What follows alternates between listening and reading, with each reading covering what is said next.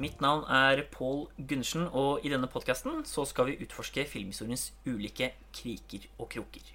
I dag så skal vi ta for oss en av bærebjelkene i italiensk neorealisme, nemlig Roberto Rossellinis The War Trilogy. Rome Open City, Paisan og Germany Year Zero. Du klarte det. Yes. Altså tre filmer som handler om enten slutten eller etterdønningene til den andre verdenskrig. Og med meg på denne sagnomsuste ferden har jeg med meg Per André Nilsen Hallo. og Tommy Larsson. Sånn. Ja, fra Rambo til Rossellini i episoder. Må jo være tidenes brød. Forhåpentligvis da, så klarer vi å lage et stort nok spenn i filmer, sånn at uh, filminteresserte skal finne noen filmer de liker. Hvis man er krigsfilminteressert, så har man kommet til riktig sted. Ja. Satser på det. Og nå er det da altså eh, italiensk nyrealisme med Rossellini. Men før det så kan vi jo bare ta som vi pleier, litt sånn eh, sett siden sist. Ja, jeg kan godt starte. Mm. Jeg har da fått sett en film som jeg så veldig fram til i år. Eh, for det, det har vært et år med ikke så veldig mye nye filmer, da, så det var sånn der, når den kommer, så ser jeg skikkelig fram til det. Ja. Og det var da David Finchers Mank. Første film siden Gone Girls. Det er ganske lenge siden sist. Seks år. Mm. Eh, hva hadde store forventninger. eh, og de ble ikke helt møtt, dessverre.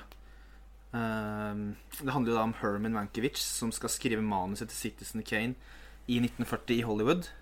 Spilt av Gary Oldman. Og Ja. filmen er liksom veldig sånn slipt og polert, altså på en positiv måte. Sånn skikkelig sånn si, filmarbeid. Det føles veldig sånn gjennomarbeida bra ut. Og syns jo det handler om noe spennende. Og så er det mye om politikken oppi det hele, og som jeg liksom ikke visste så mye om hvordan republikanerne blanda seg inn i studio og sånne ting òg.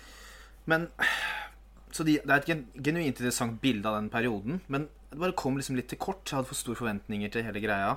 Det mangler liksom en sånn gnist i filmen som jeg syns han har hatt i sine tidligere filmer. da Så jeg glemte nesten dagen etter, på en måte. Så det, var, det er veldig tungt å si det. Så Det er mer sånn handlingsmessig så var den litt under det du forventa, på en måte? Hvordan jeg syns ikke opp. den utforska det forholdet mellom Orson Wales og karakteren til Eller han Mank, da. Like Ja. så bra som jeg håpa på. Nei, okay. Og han som spiller Orson Welles, høres ekstremt lik ut, men han ser ikke så lik ut. Og det ødela også bitte lite grann, vil jeg påstå. Ja, han har veldig sånn spesifikt utseende, han Ja. eh, Orson. Veldig lik stemme, da. Og filmen Ja. har veldig den 40-tallsuttrykket. Liksom i alt fra Ikke bare det er svart-hvitt og selvfølgelig kostyme, sånn, men lyden og det høres ut som det er en film fra 40-tallet. da Ja. Så teknisk går du kanskje mer mm, Så Så er jeg, faktisk skutt på Eller skutt digitalt, er den ikke?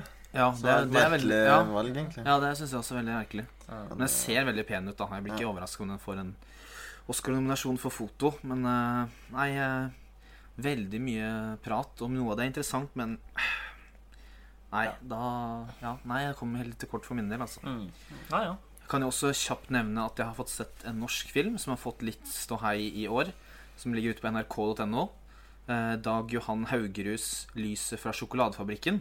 ja. Eh, det er han som også lagde den filmen 'Barn' i fjor. Mm. Som blant annet var i Venezia. Og som er den lengste filmen norske siden eh, Kristin Lavransdatter. På to timer og 40 minutter eller noe sånt. Oi. Mens den her, eh, 'Lyset fra sjokoladefabrikken', er en sånn novellefilm på 1 time og 3 minutter. da Delt inn i fem kapitler. eh, Og starter med en tagning på 15 minutter. Oi. Når filmen da bare er en time, så er jo det ganske kult, syns jeg. Det er, ganske, det er nesten bare sånn samtaler mellom venninner og sånn, men det er veldig sånn Jeg bare syns det var så naturalistisk skuespill i forhold til hva vi ofte ser i Norge. Og lange, statiske tagninger. Mye fin musikk, og den handler også mye om klassisk musikk. da Uh, og så er det et sånt litt interessant moralsk spørsmål som går igjen i filmen, da, som er på en måte hovedplottet, uten at jeg skal avsløre det. Så jeg syns bare den fanger liksom norsk oppførsel liksom litt bra, da, selv om det ja, Skal ikke foregripe, men du nevnte vel Per, at du kanskje syns det tippa litt over på, på å si hva de prater om og sånne ting, men jeg syns det funka greit, det. Så den kan man se på nrk.no, i hvert fall. Reklame for Statskanalen. Ja, det er jo det er ikke så ofte nye norske filmer havner rett på streaming, så jeg syns det var veldig en gledelig overraskelse. Jeg så jo også den og syns den var artig nok. Det var et par sånn filmatiske grep jeg liksom hengte meg litt opp i. da, At den dro noen seriene litt for langt og sånn. Men, Litt eh, vel inspirert av Røe Andersson. Ja, det, Det synes syns også jeg var litt tydelig, og det syns Ja. jeg fungerte til en viss grad òg. Det tok meg litt ut av det, faktisk. Ut av Ja. en realisme, på en måte. Men, Ja. Ja. men uh, greit nok. Det er også en liten fin uh, referanse til Dawn of the Dead der.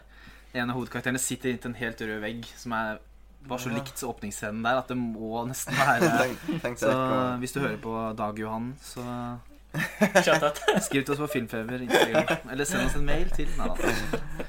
Nei, nå skravler for mye. Pål. Nei, Nei, kanskje Per først. Ja, du kan godt gå først, Per. Skal jeg gå først? Ja. Eh, jeg har egentlig bare sett Skvip, da. Skal trekke frem Vi eh, skal jo ha en dekke alle her, alle som hører på, ikke sant? Det er godt gjort, det. Trekke frem et par asiatiske filmer jeg har sett. da Eh, Så en som heter Once a Thief fra 91 av John Woo. Oi. Hvor han da jobber sammen med skuespilleren Yun Yoon Fat Chow.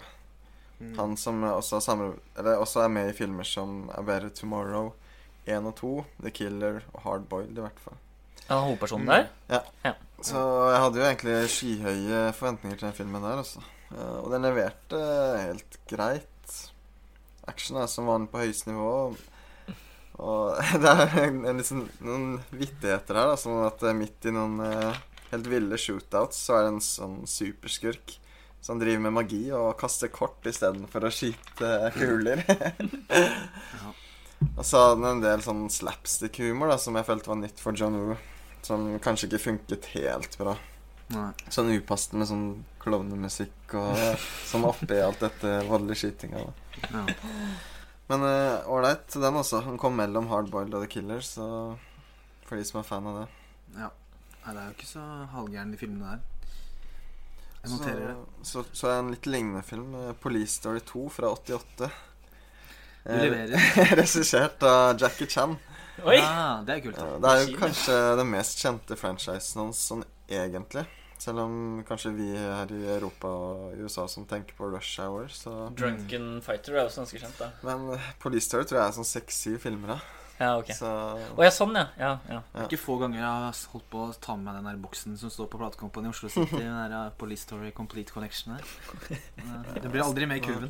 Jeg syns nummer én var veldig gøy. Toeren var dessverre et hakk ned, men du får jo det du får akkurat det du vil, da. Du får masse morsomme stunts og slåssing og Jackie, Det kan ingen ta fra er. Jackie underholder jo alltid, da. Så helt ålreit. Ja. Ja, sett litt lite siste, egentlig. Uh, Jeg har sett den uh, nye filmen som heter Peanut Butter Falcon. Ja. Som er litt sånn ja, ganske standardfilm. Ikke noen sånn stor nyskaping, men det er ganske sånn koselig feel good-film. Det handler om uh, en mann som heter Zack, som har eh, Downs syndrom og har blitt eh, stasjonert på et eldrehjem mot sin vilje. Så rømmer han da og møter på en arbeidsledig fisker spilt av Shia LaBeouf.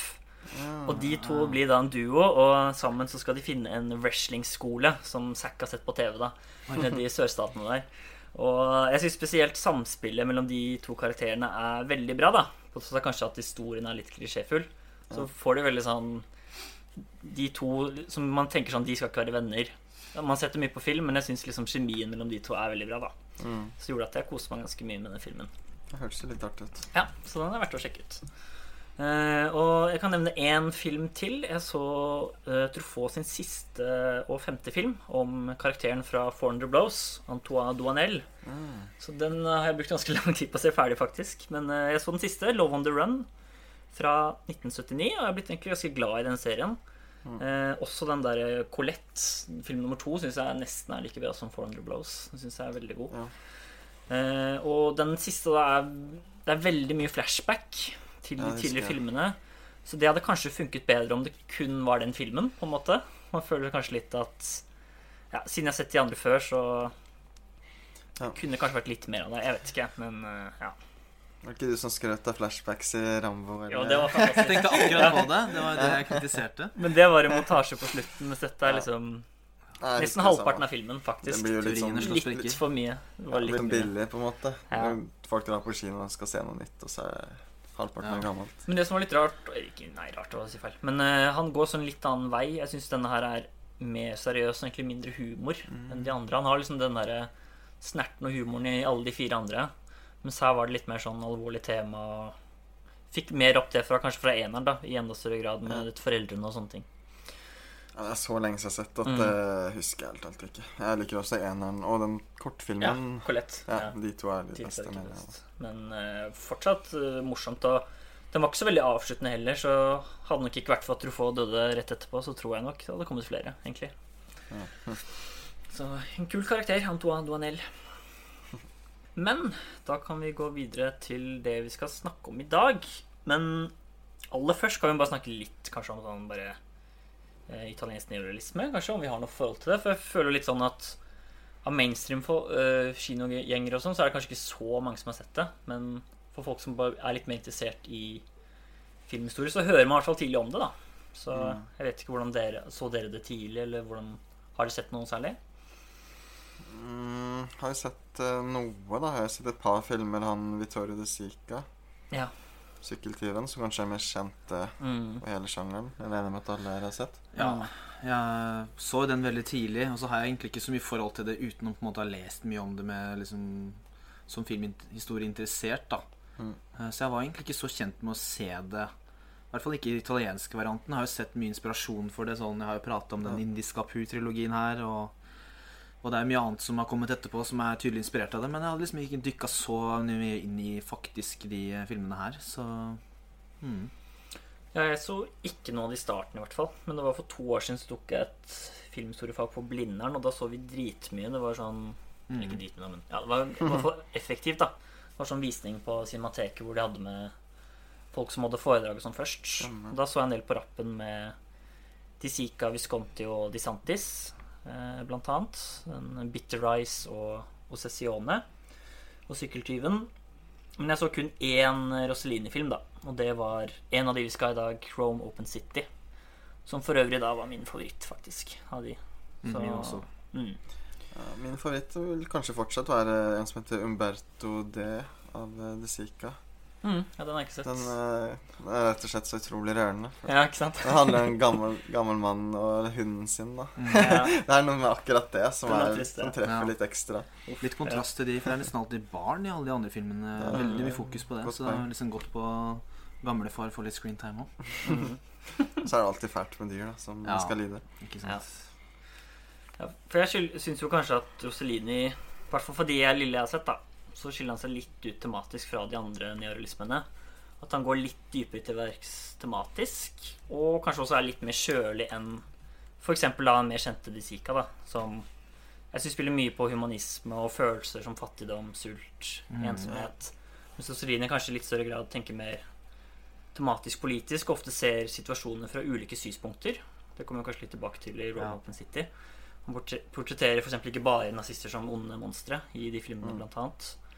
Og ja, utforske litt sånn komplekse temaer, da. Ja, for hvis, vi kan for så vidt ta det, hvis noen ikke helt vet hva det er, så er det jo på en måte det som skjedde tidlig på 40-tallet i Italia, eh, med liksom at det ble mer vanlig å filme på location, ikke store studieproduksjoner, og skildre liksom fattigdom og bruke ikke-profesjonelle skuespillere. og At det var på en måte den starten på den Og det gikk selvfølgelig videre og ble inspirert til masse annet, som vi sa i stad. Men liksom vise hverdagsliv og eh, fattigdom og Ja, urettferdighet. ikke sant. Og jeg tror noe av denne søken etter autentisitet var også litt preget av lang fascistisk sensur da, i Italia. Ja. Det var liksom sen, eh, mange år med bare propaganda. Så nå var det liksom behov for å vise deg hvordan det kanskje egentlig var, da. Det er derfor det er så fascinerende at første filmen faktisk er fra 45. på en måte At det er lagd i Mm. den samtiden. Den er laget, den kom ut det året Hitler døde. på en måte Ikke sant? Den er veldig Det er ingen der som trenger å late som hvordan krig er. Alle Nei. vet jo hva det er. på en måte mm. Alle opplever Til og med barna vet jo hva det er, liksom. For det, det er samtidig. Så Ja. Så kan vi jo nevne litt påvirkning. Du nevnte jo kjapt det med den Apu-trilogien, men også Truffaut, Truffaut og Godard er jo stor fan av han, og spesielt Truffaut sa jo at uh, sin påvirkning i Frankrike var så stor at det er the father of the new French wave. Så det er jo store ord. Og det er jo kanskje litt med sånn hvordan karakterene til Roselini ofte vandrer rundt, da. Sånn på locations og iscenesettelse og sånt, som har litt fått inspirasjon. det er vanskelig å se for seg fransk nybølge på 60-tallet uten på en måte den her eh, perioden før. Mm. Samtidig så har du jo på en måte ting som skjedde i USA da, på, helt tilbake på tidlig på 20-tallet med Chaplin. Vil jo faktisk påstå at uh, filmer som The Kid eh, fra 1921 har veldig mye av det samme som Mm. S- Sykkeltyven og Sant, kanskje sant. den Germany Year Zero, film nummer tre, Mm. eh, her i dag har. da Mm. Så selv om det der selvfølgelig er studioproduksjon og, og selvfølgelig profesjonelle skuespillere og mer fokus på humor, så er det veldig mye patos og veldig, liksom, Mm. veldig mye fokus på den fattigdommen inni der òg. Tematikken er veldig like. Det er jeg helt enig i. Mm. Chaplin var jo på det hele veien liksom fram til The Great Dictator, hvor han fokuserte på krigen der òg. Også tidlig ute med det. Mm. Så kanskje ja, gi en litt kred på en måte. mm. Uh, ja, nei, så han har vært ganske innflytelsesrik, han uh, Rosselini. Mm. Da kan vi kanskje starte på filmene. yes. Uh, ja, og i første film er jo da Rome Open City. Og den viser jo da starter med undertrykkelsen som var i Italia under andre verdenskrig, på slutten av andre verdenskrig, med okkupasjonen av eh, Nazi-Tyskland. Og så var det også da mye motstandsbevegelser innad i Italia. Det var ikke alle som var fascister på noen som helst måte. Og vi følger jo da Giorgio, Francesco og Pina i starten. Ja, det er på en måte de tre som er hovedpersonene. Det er liksom litt sånn typer. Sånn, han ene er sånn, hov, sånn skikkelig sånn Ma- Ma- Max Manus-type. Og så er det liksom en prest, hvordan han håndterer alt oppi det. Og så er det en litt sånn En dame som liksom prøver å holde familien sammen og samtidig få ting til å gå rundt. Og også med i motstandsbevegelsen. Så det er jo Det er jo litt interessant at den allerede Var du gravid oppi det hele, eller surrer jeg? Ja, øh, ja det er hun. Ja. Stemmer det. Eh, Ta deg litt fri da, ass. Ja. Den ble jo nominert for beste manus på Oscarseremonien. Skrevet av Federico Fellini, som, vi, Mm. som man ble bekjent med litt seinere på 1900-tallet. stemmer. Jeg syns det er litt interessant at den er laget allerede i 1945, da, for å begynne Mm. der. Mm. Uh, vi snakka jo om det i stad at alle, film, alle disse filmene her opplevde jo krigen på ekte, men det gjør det jo enda mer på en måte autentisk. da Det er liksom sånn Mm. Og når filmen da er så rå og voldelig og liksom blek samtidig, så blir det veldig sånn ja, Det føles veldig ekte. Ja. Og det er mange av de som går rundt der som Det er ingen, veldig få mange som ikke er skuespillere òg. Mm. Jeg har fått et veldig sånn sterkt inntrykk, og det er liksom de tingene vi snakket om ute på locations og film og alt dette sånn dokumentariske preget som du får veldig mye ut av scenene. Det er liksom ikke overspilt eller sånne ting. Ganske sånn Ja. nedpå gjennom hele filmen. Og ja, det er litt sånn morsomt å se liksom hvordan de er i dagligdagslivet. Det var liksom rappkjefta gutt. Husker jeg en scene som snakket til presten. Og presten spurte hvorfor er du ikke i kirken i disse dager. Så sier gutten 'it's a waste of time'. Og sånn. Det var litt sånne morsomme sånne små samtaler rundt i starten. Ja. Det begynner liksom ikke så brutalt først. Du blir Nei. mer sånn kjent med inn i det. da Presten som får ballen i huet på fotballbanen. sånn. ja. Det er sant, den her har faktisk litt humor. Det kan jeg Ja, ikke huske å ha sett i de andre filmene. Mm. Ja, Vi kan jo allerede røpe nå da at det kommer nok til å bli litt spoilere. Så hvis man på en måte har lyst til å se filmene først, så kan man det jo komme tilbake til episoden. da Litt vanskelig Mm. å ikke ta spoilere, så mm. vi kan i hvert fall anbefale ja, Jeg skal ikke si ikke anbefale de to andre, men i hvert fall den første her, da. Så kan man komme tilbake og høre hvis man er veldig opptatt av det. Mm. Da sier vi at vi kan si hva vi vil. Ja. ja. Og da er vi kanskje ja, gå allerede nesten midtveis, da, når eh, her hvor Hitchcock fikk sin inspirasjon til Psycho. Tenkte på det, jeg òg, Ja. når uh, Pina, denne kvinnelige hovedrollen, blir skutt ned midt i filmen. Og det er liksom ikke sånn det har, vi, vi har jo snakka om at disse filmene er veldig sånn brudd med den studiogreia, og det føler jeg kommer veldig tydelig fram her, for det er ikke noe sånn dramatisk musikk og close-up og se på Ikke den slow der. motion mens Nei. løper bortover Og du ser ikke engang hvem som liksom tar fram våpenet. Vi bare blir plaffa rett ned da når hun løper etter mannen sin, Mm. som blir tatt bort, som er motstandsmannen, da, som blir tatt bort av nazistene. Mm. Så der føler jeg det kommer veldig fram det at det er det bruddet da med det som var før. Mm. Og at liksom Roseline er mer opptatt av å på en måte ikke å underholde, men liksom å bare vise hva som skjedde, da. Mm. Og som skjer. For det var jo i 1945. Ja, ikke sant. Um, så det føler jeg er veldig tydelig der. Og det setter jo ganske tonen for resten av filmen. Og da begynner det å skje ganske mye flere ting. Han rømmer jo, han som blir fanget. Og det er sånn opprørsscene som også er ganske sånn dokumentarisk framstilt, hvor de kravler rundt i nedoverbakke og skyter løs og sånne ting. Mm. Ja, det ser nesten ut som sånn der newsreel. Sånn Mm. uh, Ser veldig ekte ut. Og så videre så kommer du da til eh, at flere av de blir fanget, da. Eh, både Giorgio og presten. Og en til som ikke hadde så stor scene, egentlig. Og det er da en ekstra karakter som heter Marina, som da var eksen til Giorgio, som i fattigdommens desperasjon da gir eh, location til eksen til eh, nazistene.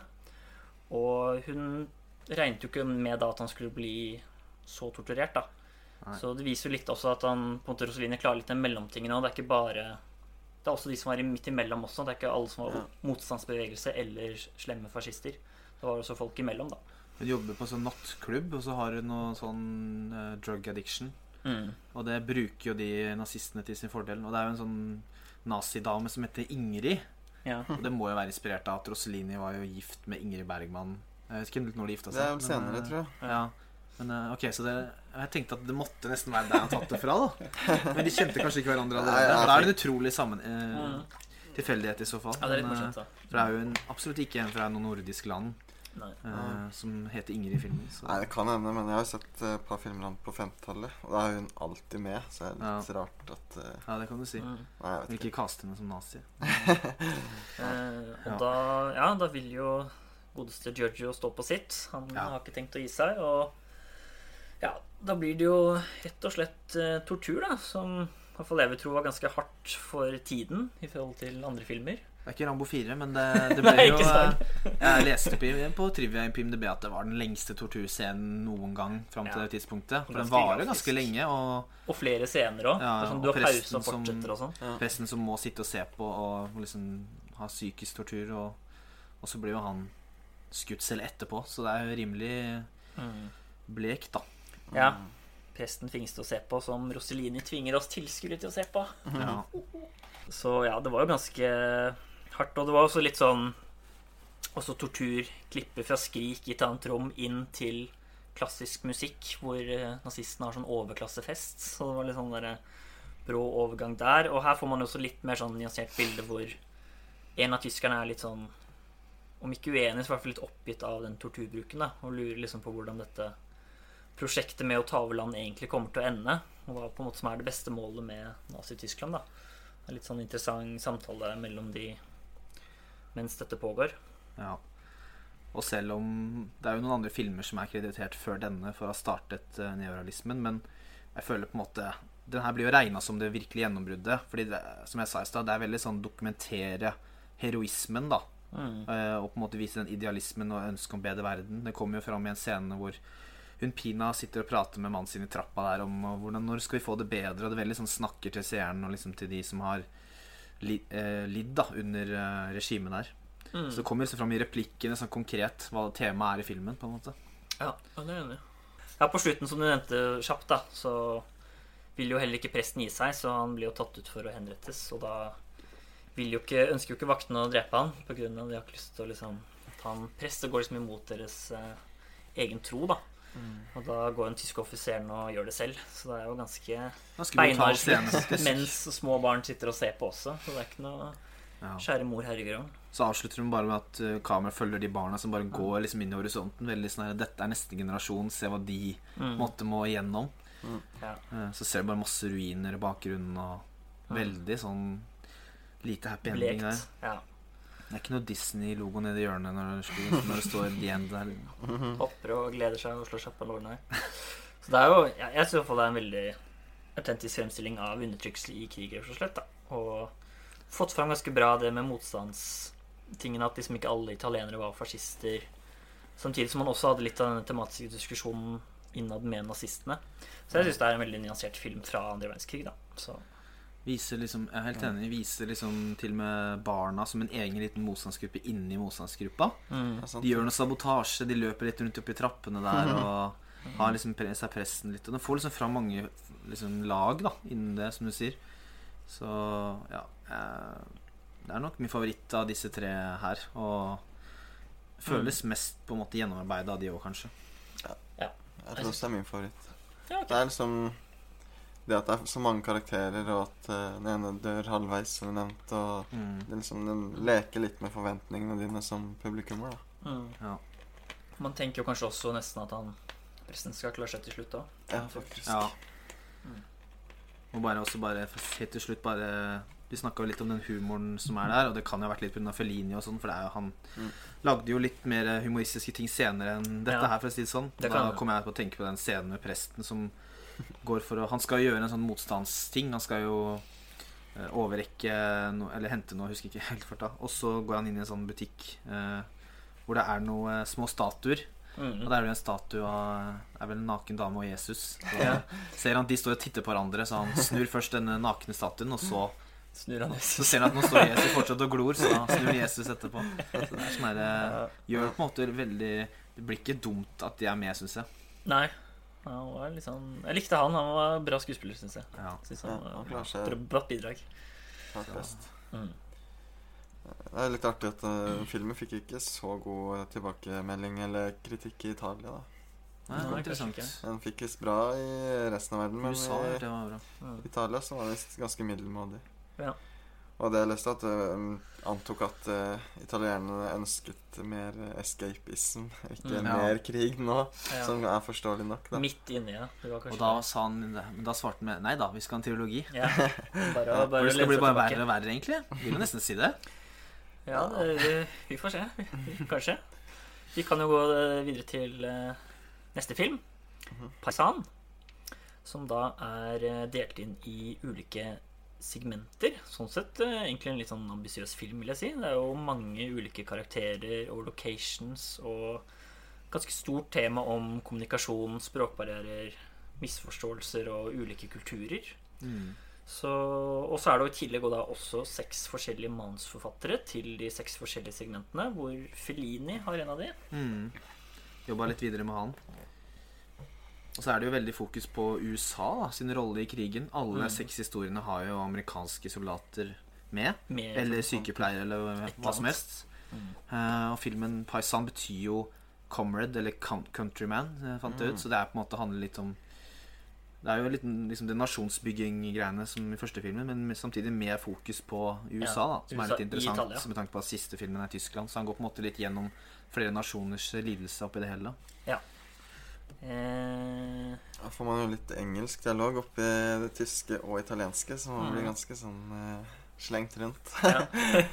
Og da oppdaga man kanskje også utfordringene ved å ikke ha profesjonelle skuespillere. da Ja. Mm. At, eh, Ble vanskeligere kombo. Det merker man allerede i historie 1, da, hvor det er noen amerikanske soldater som snakker til hverandre. Og da fikk jeg veldig inntrykk av B-film mye mer enn jeg fikk noen gang i første filmen. da Mm. uh, Jeg vet ikke om vi skal starte å gå gjennom alle historiene, men den første er i hvert fall eh, på en strand. Jeg, hvis jeg ikke husker helt feil, så starter eh, eh, første episoden sør i Italia, så går vi lenger og lenger nord. Det var liksom litt av greia. Ja, At ja. vi skulle vise opp geografisk oppover. Jeg. Eh, Ja, for det er veldig dokumentarisk åpning i starten med alle disse amerikanerne som kommer inn. Med Ja. disse krigsbåtene og Zeppelin og mm. Den åpningsscenen var veldig Da følte jeg så på sånn gammel sånn nyhetsreportasje om Ja. krigen. Så det er sånn der, masse sånne fjellklipper og soldatene som går litt rundt der i Mhm. grotter og sånn. Så går det vel inn i en kirke, og, og så er det en som kan italiensk der, så Ja. de begynner å snakke med en av de ganske unge jentene som er der. Mm. Og det er morsomt at de virker ikke som å er så glad i eller så begeistret for amerikanerne, egentlig. Nei. og han nei. oversetteren må hele tiden eh, sensurere hva de italienerne sier. ja.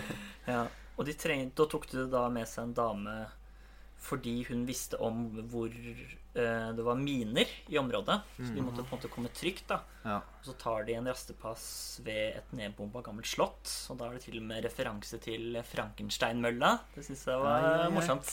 Josteline Han titta på Universal, da. kan sine ting. Kan sine saker. Ja, Han var nok glad i Son Frankenstein. fra at. Og, og ja, allerede her så begynner jo litt dette her med at de sliter med kommunikasjon og forståelse, da. Ja, hun er jo veldig sånn uh, likegyldig til han, egentlig. Mm. Og jeg var jo litt sånn her eh, hvordan, hvordan skal dette eskalere nå? Han er jo, kan jo bli litt i overkant voldsom på henne, da. Mm. Mhm. Men så begynner det å bli litt kjent etter hvert. Mm. Uh, tar fram det der klassiske bildet fra lomma, er det vel, med 'Her har du kona mi', og Mm. Og ja, kan jo allerede si det at det er jo det som gjør at det går til helvete. Fordi det lager et sånt lys uh, i, inni grotta der som gjør at eh, nazistene, eller italienske nazister, eller om det er tyske, ser det og skyter han rett og slett eh, i vinduet der, da. Mm. Ja, det er vel tyskere, tror jeg. Og så kommer jo de da opp og slenger den stakkars italienske damen ned Mot mot klippene. Ja, så begge dør. Ja. Og så kommer jo de da tilbake og kanskje antar at det er hun som drepte han. da Jeg vet ikke, det er ikke så lett å Ja. vite De skjønner iallfall ikke hva som har skjedd. da de var, Hun var i hvert fall med han, de dro bort. Når de kommer tilbake, så har han blitt skutt. Ja. da Jeg fikk inntrykk av at de regna med at hun hadde tatt livet av ham. Ja. Så det er jo enda mer tragisk oppi det hele. Så du bygger jo litt allerede på det med misforståelser og sånn her, da. Ganske så- sleskete, alle, Ja. alle soldatene, Ja. uansett side. Det er én snill tysker, faktisk, som igjen er litt som nevnt i første filmen. Det er én som kritiserer dem når de Mm. slenger rundt på italienske damer. Og Ja. Mm. En, en med litt moral, men eh, det holder jo ikke. Nei, Det er vanskelig å stoppe gutta når de er, Ja. jazzinga er i gang. Ja, det var Akkurat som skikkelig å greie. stoppe deg i en horrorepisode. Med Tremors. Ja, det er ikke så lett, altså. Men ja, vi kan kanskje gå videre til uh, to. De blir litt kortere her siden det er segmenter. Ja. Og da er vi jo i Sørlig-Italia ved Napoli. Starter egentlig med en litt sånn fin longtake. Det er jo ikke ofte det er i de Mhm. filmene her, med an antikke ruiner som går bortover. Sant. Det er vel litt sånn nyhetssegment der òg, for det er vel Ja. mellom alle historiene. For å få liksom gi oss litt sånn kontekst. Litt sånn pause, eh, ja. Slags intermission, nærmest. Ja. Og etter det så er det jo fattige barn som eh, vrimler rundt i gatene. Sånne gatebarn. Mm. Veldig Veldig sykkeltyven-følelse med en gang. Ja. Mm. Og finner da til slutt en eh, full amerikansk soldat da, som han ene gutten begynner å prate med. Han heter Joe, som jeg fant ut Det heter jo han første i den første historien nå, så det er ganske. Mussolini har ett navn på blokka. Han lærte seg ett amerikansk. Ja, det er litt interessant, for han er jo Han er afroamerikaner, og han er eh, Det blir jo ikke gjort noe veldig poeng ut av, men det må jo ha vært litt spesielt på den tida også. Sikkert mye rasisme der, Ja. Mm. Og han er jo full, så han driver raver rundt der. Jeg trodde Ja. jo først at han var liksom på en måte kasta ut av troppen eller var på en måte blitt uteligger, for det virka nesten sånn. Ja. Rave rundt i søppeldynger sånn med liten ut, gutt og sånn. Mm. Men det tok jo ikke lang tid. Sånn, dagen etter han har vært på fylla, så var han jo kjørt han rundt og var liksom litt sånn streng og autoritær igjen mot uh, folk. Så Ja, for det som skjer, er jo når han sovner, så tar jo han lille gutten og stjeler skoene ja. til han. Og så møtes de da tilfeldig etterpå, når han da ikke er full lenger. Og da oppdager han at det er han som har stjålet eh, Ja. skoene, da. Og krever å komme tilbake til der han Ja, eh, og da drar de liksom til enda mer slummen for å få det tilbake. Og når han da ser hvor fattig det er, så velger han å ikke gjøre noe. Det er kanskje den svakeste for meg. Jeg vet ikke, jeg syns den kanskje Oi, ble Jeg, litt Jeg likte den veldig godt. jeg jeg likte den en, en av de bedre, Ja. Ja, For den var sånn koselig oppi elendigheten. Ja. Ja, for jeg syns den kanskje ble litt for enkel. Jeg likte sånn mye mer for den første, da. altså. Jo. Jeg synes det var litt interessant, for han var jo veldig sånn 'take me to your mom and dad'. Uh, Ja. Og så, så får man jo et bilde av en leilighet og familie, og så kommer du til den gigantiske må nesten si gettoen. da Mm. Masse folk der, og han får litt sjokk av på en måte hvordan det er. Og jeg likte den. Den var på en måte ikke sånn dødstragisk, men mer sånn et lite snippet inn i liksom den verdenen. Jeg synes liksom Ja, og kanskje med å få, bare forhold til Roseline at jeg følte her I forhold til det han ellers gjør, da, så ble den her kanskje litt for enkel. Og det er kanskje litt mer med at sånn i ettertid at Jeg skulle kanskje ønske at det var færre filmer, men at de var litt lenger. Mm. Man kanskje fikk mer eh, følelse for det, fordi det var liksom ja, Han var bare full og ra- ravet, og du kom liksom ikke så veldig inn på karakterene, kanskje, da. Så, Nei, Han snakker jo en del om det som kanskje var det beste, synes jeg, var at han prater om hjemkomsten til New York City. Mm. Prater om liksom Å, jeg blir tatt inn på et hotell, og jeg skal få fantastisk mat, og jeg skal bli behandla sånn og sånn. Og så vet vi at det er jo ikke snakk om. Mm. Og så er den jo i tillegg Filmen er jo fra den tida, så du vet jo at han spiller jo ikke en som er undertrykt, på en måte. Sånn. Han hadde jo det sånn på ekte, ikke sant? Sannsynligvis. Han var jo ikke skuespiller, han fant jeg ut. Han Dots Johnston, som han het. Han hadde jo aldri spilt Det research. hadde jo aldri spilt i noen film uh, før det her, så Mm. ja, Det er ikke så research, det jeg har, jeg har jo foran det her nå. Men ja, eh, nei, det var den første filmen hans, så Ja. Ja, det gjelder for mange av de. Historie nummer tre handler jo også om en full eh, soldat, da. Mm. Det er jo da amerikanske Fred som er i Roma etter at eh, tyskerne er bekjempet og allierte har tatt over. Og igjen veldig dokumentarisk åpning med disse militære fartøyene som suser rundt i gatene. Det er jo her det er uten tvil mest eh, statister. Det er jo Ja. Men så tropper han jo fort seks måneder senere, eh, hvor en da italiensk prostituert møter på han igjen. Ja. Og ja, han eh, sier da at han ikke har lyst til å gå med henne fordi han søker etter en dame som han møtte da Mm. de seks månedene tidligere. Og da satt jeg og stussa, fordi jeg syns de så fryktelig like ut. Og det viste seg at det er det jo. Det er jo samme person. Men han, verken han eller henne ser det til å begynne med. Han er så full, og hun har vel glemt han eller noe sånt. Ja. Var jo spilt av samme person som hun der eh, Marina i første filmen. Ja. Om eh, Åpen by. Mm. Og av en eller annen grunn så vil hun ikke si det når Nei. han er full. Og, men vil liksom høre om at han skal snakke om henne. Og, Ja, Hun vil vel ikke liksom vise hvor, Ja. hvor lavt hun har falt. At hun går på gata, drar inn første mann hun ser, og ja. for å få litt penger gjennom prostitusjon. For det er jo det hun Mm. holder på med. Ja. For ikke skuffe han, på en måte. Så, Ja.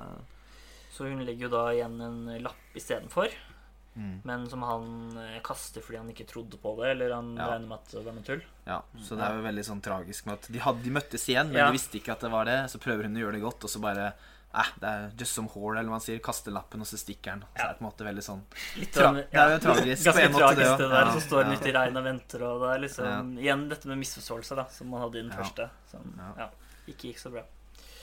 Så ja. Det er en av kanskje de mindre bra episodene Ja. sånn sett for min del. Men eh, er ikke dårlig på noen som helst måte, men Nei. ikke veldig spennende heller. Mm. Ja. Selv om relasjonen funka bedre mellom de to enn amerikaneren og italieneren i den første. Mm. Ja, det kan du si. For de kunne i hvert fall eh, prate sammen. Kommunisere litt mer. Mm. Eh, Så kan vi kanskje gå til nummer fire. Ja. Det er da på nordsiden av Skrevet av Firenze. Fellini. Ved Arno River, var det det het. Mm. Og da er det noen uh, italienske motstandsstyrker som uh, kjemper mot uh, tyskere og fascist-italienere. Mm.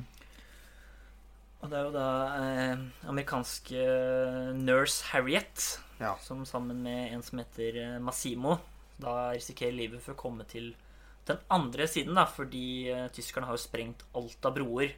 Så de må liksom løpe gjennom byen for å komme ut. Og hun skal vel møte mannen sin eh, Mm. på den andre siden, da. Jeg sona faktisk litt ut i filmen når denne episoden her kom, husker jeg. Men jeg husker jeg satt og tenkte liksom at det var veldig interessante sets. Og liksom, det her, her begynner det å bli skikkelig krigsfilm, nesten. da Mm. De løper rundt der og mye skyting og sånn. Mm. Men uh, jeg syns det kanskje den ble litt langdryg, den episoden der. Den var kanskje litt ensformig. Kanskje sånn Det er jo ikke så mye mer som skjer enn det vi akkurat sa nå. Nei. En av de korteste, måte. kanskje. Ja, og det er jo kanskje slutten der som satt gjester med meg. Det er jo en ganske brutal henrettelse. Ja. Noen blir liksom slengt ned i gaten og skutt på mens de skriker nåde og de ikke ønsker å dø og sånn. En ganske sånn Ganske beinhard henrettelse. Mm. Eh, så han er litt tilbake til den Rome Open City-råskapen. På en Ja, måte Veldig sånn skildring av håpløshet. Og de sitter der i sånn eh, alley og bare Ja, skjønner at dette her går ikke, liksom. Mm. Mm. Nesten som en Dunkerque i starten der, når den går uh, før det Ja. kommer til stranda. Så husker jeg første tre minuttene. Sånn, ja. Han går i gatene der. Ja, jeg Fikk tenkte faktisk på Jeg det. tenkte på det, så Ja, god, god bro. ja. Mm. Men ja, det er kanskje ikke så mye mer å si om akkurat den. Den er ganske sånn straight forward, det Ja, som litt skjer mer thriller enn drama. Ja. Og det er kanskje ikke der styrken i wrestlingen ligger. Uh, og så kommer Så kommer prestemoro igjen. Ja, da er det da tre amerikanere som kommer til en romersk-katolsk eh, kloster. Mm. Eh, og en av de kan snakke litt italiensk, og de ønsker da å sove for en natt. da. Ja. Og så viser det seg at det kun er han som snakker italiensk, som er katolsk. Ja. Jeg syns jo det var litt sånn Det høres kanskje veldig negativt ut her, men jeg syns det var litt sånn rar og utdatert problemstilling, da. For de finner jo ut at han ene eh, At de to av de er En er protestant, og en er jøde. Og Mm. da blir det da blir det bonanza i, i eh, munkeleiren der. Fordi Ja, Det kan godt hende det var sånn, da. dette må de få gjort noe med. Så jeg fikk veldig inntrykk av at eh, Jeg vet ikke om Rosolini tenkte det, men jeg fikk veldig inntrykk av at det var for å vise at eh, de munkene egentlig ikke hadde så mye problemer. For de sier jo at de ikke har merka så mye krigen utafor. Mm. Så de på en måte Ja, det kan Man skulle jo tro at dette ikke ville vært noe stort problem oppi det store hele vold, voldsomme krigs eh, som skjer, da. Ja. For de velger jo å problematisere dette såpass og si at ja, vi må save him from damnation og alt dette her. Men jeg vet ikke om det var det som var ment at man skulle tenke. Men, Det var nesten litt humor igjen her òg, når han faktisk sier det. Hvor Ja. forskrekket han munken ser ut, og nesten løper av skrekk av gårde. Han løper jo- litt sånn humor. Han løper jo liksom rundt i, i slottet der, og ja. En jøde her! Løper han videre. Ja. Mhm. Liksom sladrer videre. da Veldig viktig å spre det fort, liksom sånn at de kan, alle Ja. skal vite det. Men jeg syns den også kom inn på litt sånn litt interessante samtaler her òg. At de amerikanerne imellom seg snakker om dette her med at de, at de er religiøse, men at de kanskje ikke kunne leve i en sånn institusjon. Hvordan det ville vært. Og så er det jo alt dette mot, ja, som du nevnte, da. Uavhengig av hvor bra det var, sånn protestantisme mot jøder, mot katolikker. Eh, Så her var kanskje den jeg kanskje følte mest at jeg skulle ha litt mer tid. Mm. At den ja, stoppet litt brått. At Mm.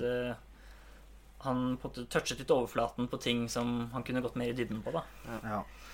Det er én ting de er fascinert av, eller imponert av når, eh, ved amerikanerne. Det er disse boksene med mat, da. Ja. Det er sånn, sånn her, Wow! Se hva de har der borte. Smaker litt på Oi, det er melk. Jøss, så godt. Det er rart at liksom Italia med den matkulturen Ja. blir så jævla imponert av dere Boksene. Bønnebokser. Ja, ja. Og så redder jo eh, Munkene redder seg jo litt inn på slutten nå med at de viser seg at de skal faste. eh, Og de lurer på hvorfor de skal gjøre det når de skal spise. Og så Han sier vel at det er for å på en måte eh, skal kunne konvertere de andre og komme til himmelen, sånn at de skal kunne konvertere de. Det er det han sier. Mm. Så det er, det er godt ment fra dem, da. Selv Ja. om det Ja. Det er vel en annen Det er vel en som sier det i filmen nå, tror jeg. At uh, for denne protestanten eller den jøden, så er det like rikt, den, dems religion er ikke riktig som du tror din er. Mm. Så de sier faktisk det. liksom Noe som skulle man tro var veldig åpenbart. At alle tror at sin er riktig. Ja. Mm. Ikke Ja. så mye action der, da. Ikke noe Rambo. Nei, ikke noe kniv opp i Ikke eh, neste derimot, da er det action. Ja, da er det jo si. en eh, italiener og en amerikaner som padler bak eh, tyske linjer og plukker opp noen opprørerlik som ligger og flyter i vannet i starten.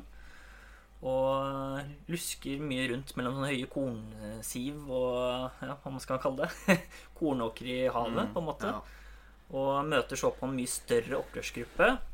Og går da alle på et nytt mission, som da er en kamp mot nazistene. Og det er kanskje det minst neorealistiske med hele filmen. Kanskje trilogien òg, for så vidt. Da er det masse klipping og skyting og nærbilder. Og det er kanskje den mest orkestrerte scenen i trilogien. Kanskje. Mm. Ja, det er ja, en krigsscene du tenker på som foregår om natten.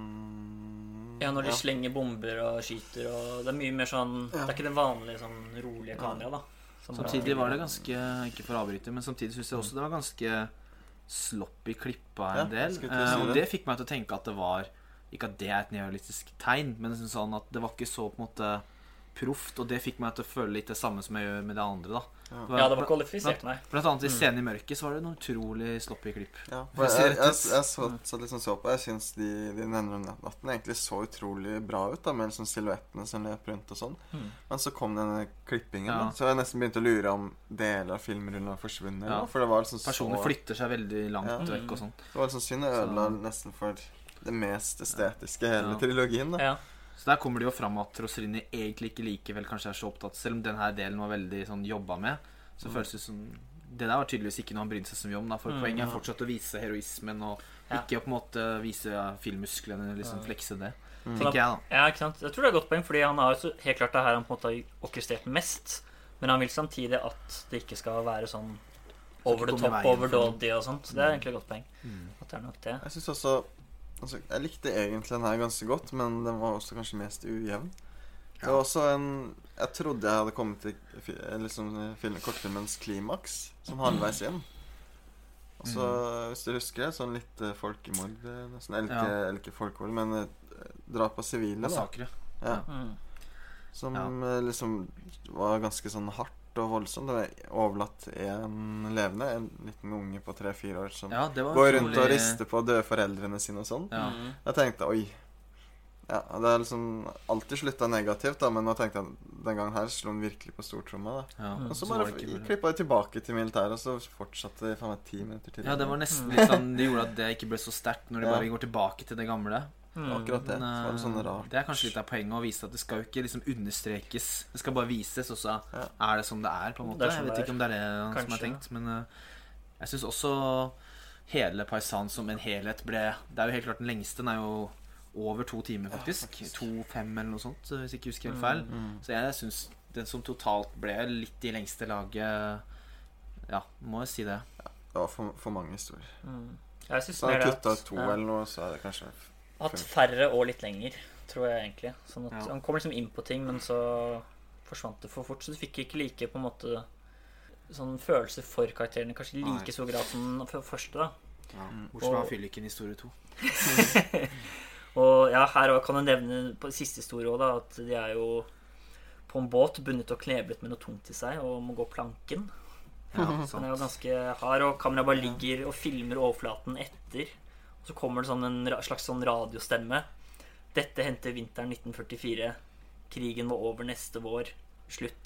Det er sånn mm -hmm. ja. iskald avslutning. Det er sånn det er, det, er ikke, det er ikke en promille sentimental. Det er så Nei. observerende og fælt. Og ja, det, det er ikke noe Steven Spielberg. Dratt bort den der eh, sentimentaliteten som Chaplin hadde i The Ja. Kid. og Mm. Bare tømt den Ja, det som er igjen.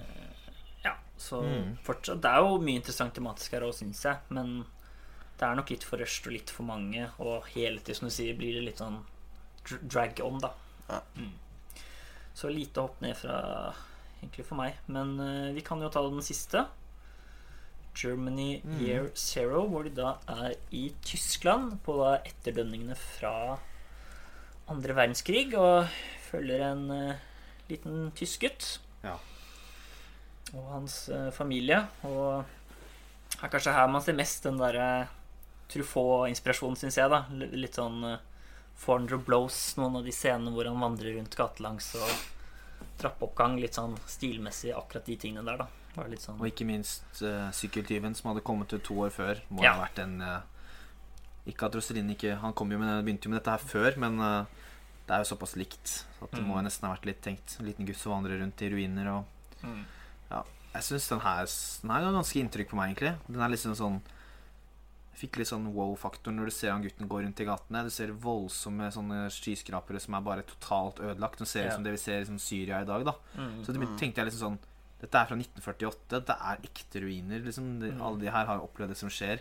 Så da får liksom den der krigens direkte innflytelse i på filmmediet, på en måte. Ja. Både med arkitekturen bak, men også at krigen endte jo opp med å endre filmmediet. Fordi Mm. den er pådriveren bak hele movementet, ikke sant. Ja. Så det fører jo til skildringen av det. Så jeg syns det er litt sånn litt vilt, på en måte. Og det er jo, når det er da i Tyskland, så er du da selvfølgelig tysk, og det er jo da Ja.